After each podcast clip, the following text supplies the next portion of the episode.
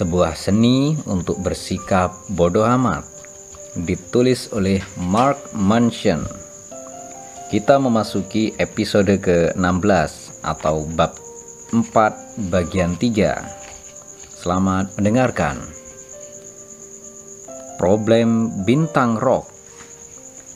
Pada 1983 seorang gitaris muda bertalenta dikeluarkan dari bandnya dengan cara yang paling buruk yang pernah ada.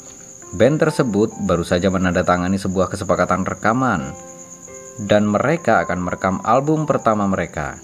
Tetapi beberapa hari sebelum rekaman dimulai, band menyuruh sang gitaris untuk keluar tanpa peringatan, tanpa pembicaraan, tanpa ledakan yang dramatis mereka benar-benar membangunkannya di suatu hari dan memberinya tiket bis untuk pulang. Saat duduk dalam bis yang membawanya kembali ke Los Angeles dari New York, si gitaris terus bertanya kepada dirinya sendiri, "Bagaimana ini bisa terjadi? Kesalahan apa yang saya lakukan? Apa yang akan saya lakukan sekarang?"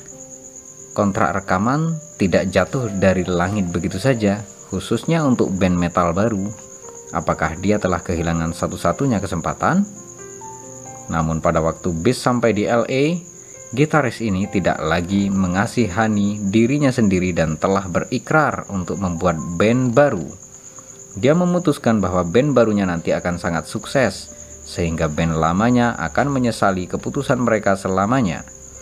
Dia akan menjadi begitu terkenal sehingga mereka, band lama, akan merasa bersalah selama beberapa dekade melihatnya di TV, mendengarnya di radio, melihat posternya di jalan-jalan dan fotonya di beberapa majalah. Mereka akan membalik burger di suatu tempat, naik mobil van dari sebuah panggung di klub murahan, dan menjadi gemuk dan mabuk-mabukan dengan istri-istri mereka yang buruk rupa. Dan dia akan tampil di hadapan kerumunan penonton stadion yang disiarkan langsung di televisi dia akan mandi dengan air mata orang-orang yang mengkhianatinya, dan setiap tetes air mata itu akan dihapus dengan lembaran 100 dolar yang bersih, baru dicetak. Demikianlah sang gitaris bekerja keras akan dirasuki setan musik. Dia menghabiskan waktu berbulan-bulan untuk merekrut musisi terbaik yang bisa ia temukan. Pemusik yang jauh lebih baik daripada rekan-rekan bandnya terdahulu. Dia menulis puluhan lagu, dan berlatih dengan tekun, dia memanfaatkan kemarahan menjadi bahan bakar ambisinya. Balas dendam menjadi permenungannya. Setelah beberapa tahun, band barunya berhasil menandatangani sebuah kesepakatan rekaman mereka sendiri. Dan setahun setelah itu, rekaman pertama mereka diluncurkan ke pasaran. Nama gitaris itu adalah Dave Mustaine dan band baru yang dibentuknya itu adalah band heavy metal yang legendaris. Megadeth. Megadeth tercatat berhasil menjual lebih dari 25 juta album dan menggelar banyak tur dunia. Sekarang ini, Mustaine dianggap sebagai salah satu musisi yang paling brilian dan berpengaruh dalam sejarah musik heavy metal. Sungguh malang band yang mendepak bokongnya adalah Metallica yang telah menjual lebih dari 180 juta album di seluruh dunia. Metallica adalah salah satu band rock terbesar sepanjang masa. Dan karena kenyataan ini, dalam sebuah wawancara pribadi yang cukup jarang di 2003, Mustaine yang berlinang air mata mengakui kalau dia masih saja menganggap dirinya sebagai sebuah kegagalan. Di luar semua pencapaiannya yang mengagumkan, dalam benaknya akan selalu terngiang kalau dia adalah orang yang ditendang keluar dari Metallica. Kita adalah kera. Kita menyangka kita semua sontak menjadi luar biasa setelah menggunakan oven pemanggang dan memakai sepatu produk dari perancang tertentu. Padahal kita hanya sekelompok kera yang dibungkus ornamen yang mahal.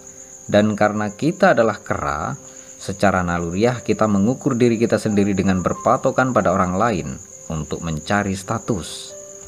Pertanyaannya bukan apakah kita mengevaluasi diri kita berdasarkan pencapaian orang lain, namun pertanyaannya adalah dengan standar apa kita mengukur diri kita sendiri? Dave Mustaine entah sadar atau tidak, telah mengukur dirinya entah lebih sukses dan populer dibandingkan Metallica atau tidak. Pengalaman dikeluarkan dari mantan bandnya sangat menyakitkan sehingga dia menggunakan sukses seperti Metallica sebagai alat untuk mengukur dirinya dan karir musiknya. Meskipun telah memanfaatkan suatu peristiwa buruk menjadi sesuatu yang positif, seperti yang dilakukan Mustaine dengan Megadeth, pilihannya menggunakan kesuksesan Metallica sebagai alat pengukur hidupnya justru terus menyakiti dirinya puluhan tahun berikutnya. Meskipun mendapatkan uang dan penggemar serta pujian, dia masih menganggap dirinya sebagai suatu kegagalan. Sekarang Anda dan saya bisa saja melihat situasi yang dihadapi Dave Mustaine dan tertawa. Inilah pria yang memiliki jutaan dolar, ratusan ribu penggemar yang memujinya, karir yang sesuai dengan keinginannya, dan masih saja matanya lembab menyaksikan teman-teman rock lawasnya 20 tahun lalu jauh lebih terkenal daripada dirinya. Itu karena Anda dan saya memiliki nilai yang berbeda dari Mustaine, dan kita mengukur diri kita dengan ukuran yang berbeda. Ukuran kita mungkin lebih seperti saya tidak mau bekerja untuk orang yang saya benci atau saya ingin mendapatkan uang yang cukup agar bisa menyekolahkan anak saya di tempat yang bagus. Atau saya sudah cukup senang tidak bangun tidur di saluran pembuangan air. Dan jika menerapkan ukuran-ukuran tersebut, tentu Mas Tain adalah orang yang sukses.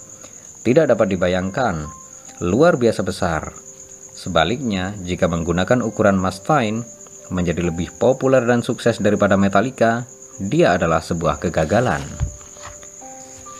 Nilai yang kita pegang menentukan ukuran yang kita gunakan untuk menilai diri kita sendiri dan orang lain. Nilai yang dipegang Onoda tentang kesetiaan kepada kekaisaran Jepanglah yang menahannya berada di lubang selama hampir 30 tahun. Tapi nilai yang sama juga membuatnya merasa pedih ketika pulang ke Jepang.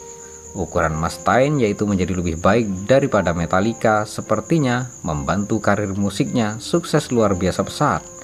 Namun ukuran yang sama juga menyiksanya di balik keberhasilannya. Jika Anda ingin mengubah cara Anda memandang permasalahan Anda, Anda harus mengubah nilai yang Anda pegang dan atau bagaimana Anda mengukur kegagalan kesuksesan. Sebagai contoh, Mari kita perhatikan seorang musisi lain yang dikeluarkan dari band. Aneh, karena kisahnya seperti menggemakan Dave Mustaine meskipun ini terjadi dua dekade sebelumnya. Pada 1962, ketika itu ada desas-desus tentang sebuah band asal Liverpool, Inggris yang sedang meroket. Band ini punya potongan rambut yang lucu dan punya nama yang lebih lucu lagi. Namun musik mereka tidak dapat dibungkiri sangat bagus dan pada akhirnya menarik minat industri musik. Ada John, vokalis utama dan penulis lagu. Paul, pemain bass romantis berwajah imut. Josh, gitaris utama yang pemberontak dan seorang pemain drum. Orang yang disebut terakhir ini dinilai memiliki rupa yang paling tampan di antara mereka berempat. Gadis-gadis menggilainya dan wajahnya lah yang pertama kali muncul di majalah. Dia adalah anggota kelompok yang paling profesional juga. Dia tidak memakai obat-obatan, tidak gonta-ganti pacar, bahkan ada beberapa petinggi di industri musik yang berpikir kalau dia lebih cocok menjadi wajah dari band itu, bukan John atau Paul. Namanya PT Bis. Dan di 1962, setelah mendapatkan kontrak rekaman pertama mereka, tiga, tiga anggota Beatles lainnya diam-diam bersekongkol dan memaksa manajer mereka, Brian Epstein, untuk memecat PT. Epstein menentang keputusan itu. Dia menyukai PT. Jadi dia mengabaikan permainan mereka, berharap tiga orang ini akan berubah pikiran.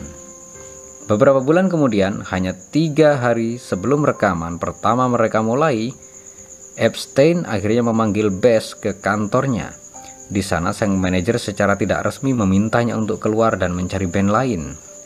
Dia tidak memberi alasan apa pun, penjelasan apa pun, ataupun ungkapan rasa kehilangan.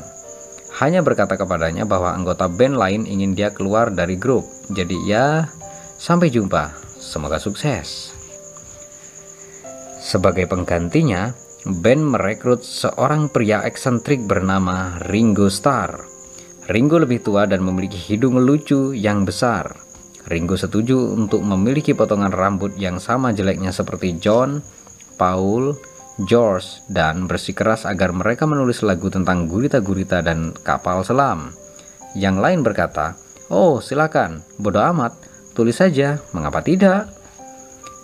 Enam bulan setelah Bass dipecat, Beatlemania meledak, membuat pa, membuat John, Paul, Josh, dan Ringo bisa dikatakan menjadi empat wajah yang paling terkenal di seantero planet. Sementara itu, bis seperti yang dapat kita pahami jatuh ke dalam sebuah depresi yang dalam dan menghabiskan waktunya melakukan apa yang akan diperbuat kebanyakan orang Inggris jika dalam masalah minum. Tahun 60-an bukan tahun yang bersahabat untuk PT Best. Di 1965, dia menuntut dua anggota Beatles atas tuduhan pemfitnahan dan semua proyek musiknya gagal secara mengenaskan. Di 1968, dia berusaha bunuh diri. Hanya berbicara dengan ibunya, hidupnya seolah tinggal puing-puing. Tetapi Bis tidak punya kisah titik balik, layaknya Dave Mustaine. Dia tidak pernah menjadi superstar dunia atau menghasilkan jutaan dolar. Namun di banyak hal, Bis menghabiskan hidupnya dengan cara yang lebih baik daripada Mustaine. Dalam sebuah wawancara pada 1994, Bis mengatakan, saya lebih bahagia sekarang dibanding jika saya masih bertahan di Beatles. Sinting. Bis menjelaskan kalau situasi pemecatan dirinya dari Beatles pada akhirnya menuntun dia untuk bertemu dengan istrinya. Dan kemudian pernikahannya membawanya menjadi seorang ayah. Nilai-nilainya berubah. Dia mulai mengukir hidupnya secara berbeda. Kebenaran dan nama besar akan sangat menyenangkan. Tentu saja, namun dia memutuskan bahwa apa yang telah dimilikinya sekarang jauh lebih berharga. Sebuah keluarga yang hangat dan penuh cinta, pernikahan yang stabil, hidup yang sederhana. Dia bahkan masih sempat bermain drum, berkeliling Eropa dan merekam banyak album hingga 2000-an. Jadi apa yang sebenarnya hilang? Hanya perhatian yang besar dan sanjungan, sedangkan apa yang telah diraihnya jauh lebih berarti untuknya.